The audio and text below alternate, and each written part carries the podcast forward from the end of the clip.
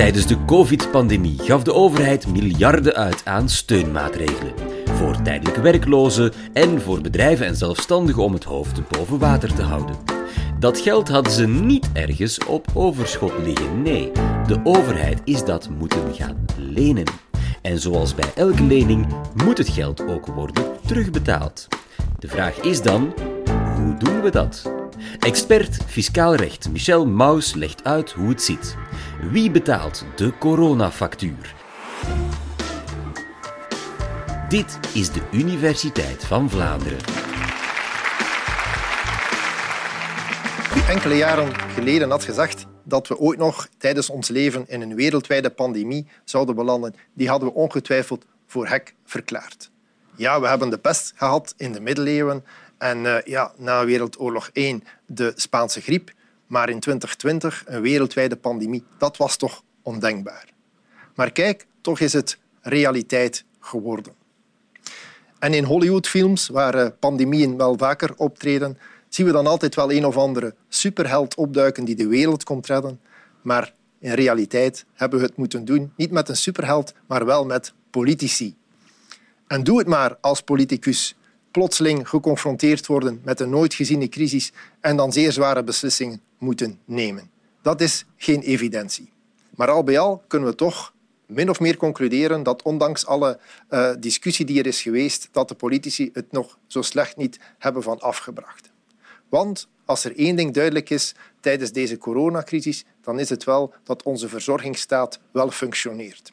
De gezondheidssector heeft eigenlijk aangetoond zeer performant te zijn. Maar ook onze overheid heeft eh, duidelijk uh, aangetoond klaar te zijn om crisissen op te vangen en om onze ondernemingen steun te bieden, om mensen die in tijdelijke werkloosheid zijn beland, om die te gaan ondersteunen en aan zelfstandigen die door de lockdown niet hebben kunnen werken, om die ook een crisisoverbruggingsrecht te geven.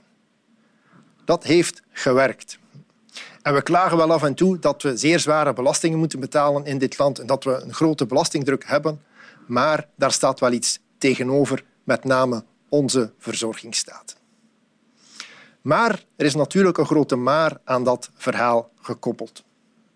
Nooit geziene steun die men heeft moeten verlenen, heeft natuurlijk er ook voor gezorgd dat we nooit te ziene begrotingstekorten hebben zien ontstaan. In 2020 hebben onze overheden samen afgesloten met een begrotingstekort van 44,9 miljard euro. In absolute cijfers uitgedrukt is dit het grootste begrotingstekort ooit. Een tekort van 10 procent op het bruto binnenlands product, een schuldgraad die in 2020 is opgelopen tot 115 procent van het bruto binnenlands product. Het is du jamais vu. En het probleem is, het verhaal stopt niet na 2020.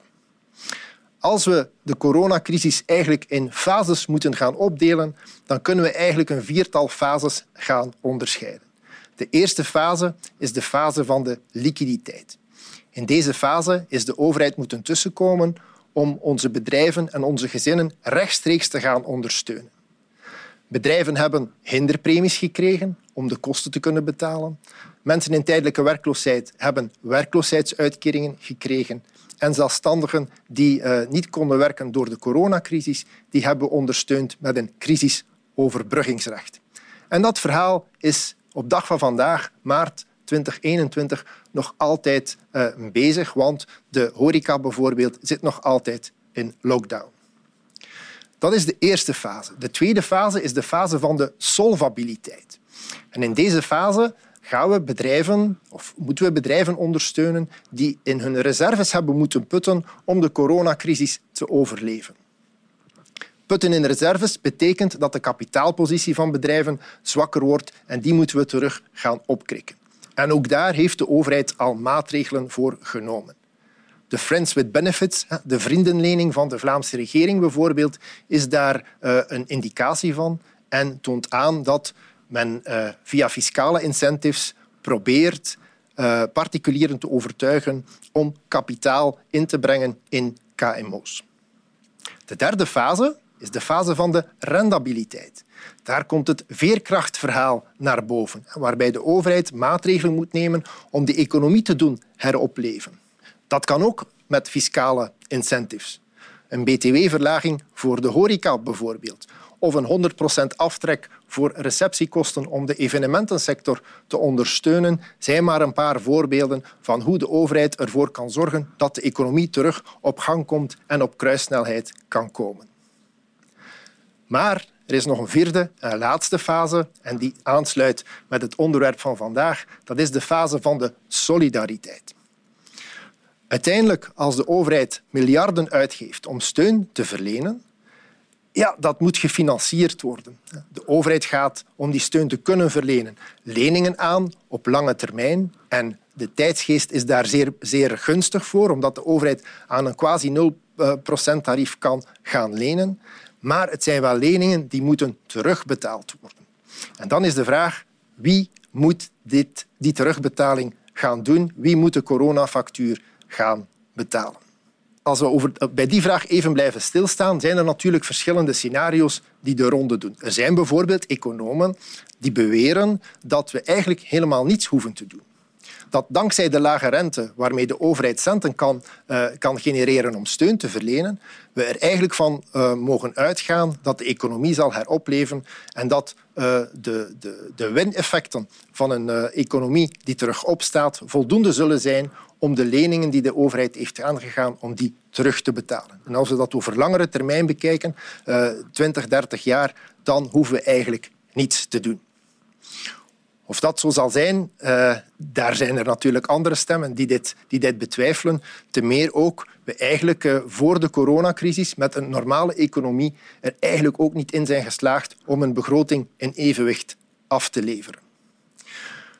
Dus allicht zal uh, dat scenario een beetje de economie van de hoop zijn waar we toch niet te veel op moeten rekenen. Maar er zijn natuurlijk ook andere scenario's die misschien wat realistischer zijn. En om die uh, scenario's te bekijken, moeten we misschien eens naar de geschiedenis gaan teruggrijpen. Want er zijn wel meer grote crisissen geweest die onze maatschappij door, doorheen hebben geschud.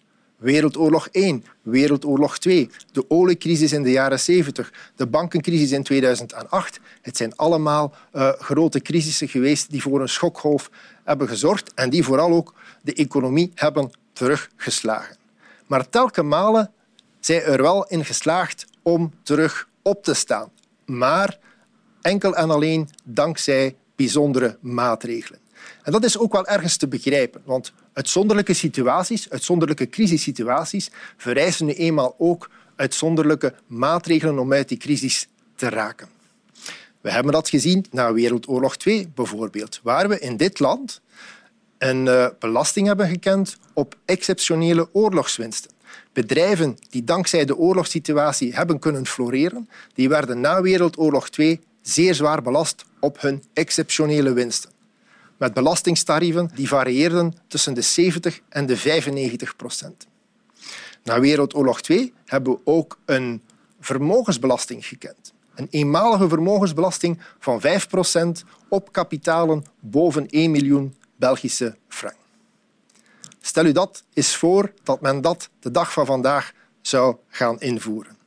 Dat lijkt allemaal utopisch, maar toch zijn er stemmen die in die richting gaan. En allicht zal het niet zo'n vaart lopen zoals na Wereldoorlog II, maar we kunnen wel vaststellen dat er toch een aantal pistes zijn die wel in de richting gaan van de uitzonderlijke crisismaatregelen die we in de vorige eeuw hebben moeten nemen.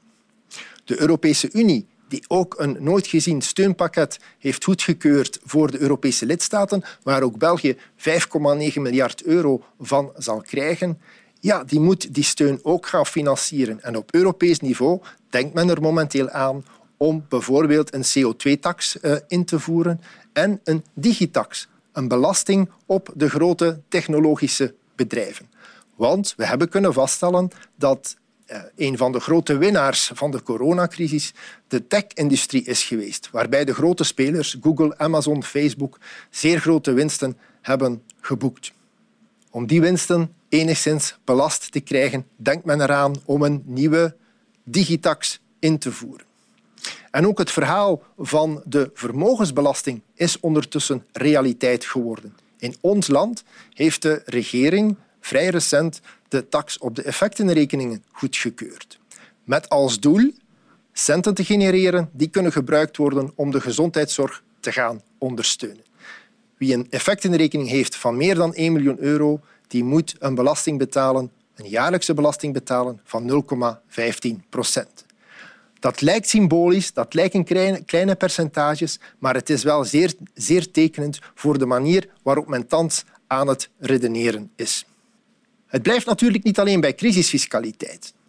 Wanneer we de overheid centen moet genereren om de financiering van leningen te kunnen rondkrijgen, moet men natuurlijk middelen voorzien. Die kunnen van extra fiscaliteit komen, maar ook van besparingen.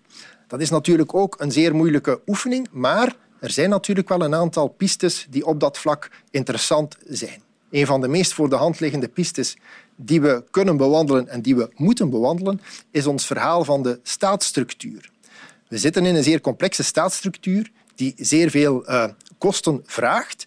En op dat vlak zijn er wel een aantal efficiëntieoefeningen die gemaakt kunnen worden en die ervoor kunnen zorgen dat we veel minder centen moeten uitgeven aan de werking van onze staatsstructuur dan dat we tot op heden hebben moeten doen.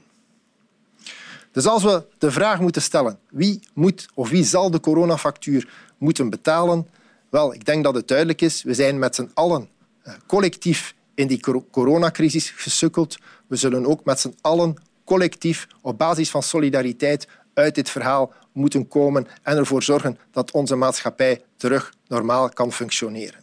En dat zal het gevolg zijn van een heropleving van de economie, waar we met z'n allen verantwoordelijk voor zijn, maar ook met de gemaakte keuzes die gemaakt zullen moeten worden op het vlak van kostenefficiëntie van de staatsstructuur, maar ook op het vlak van nieuwe fiscaliteit voor een aantal voor de hand liggende pistes die we eigenlijk eh, onoverkomelijk zullen moeten accepteren.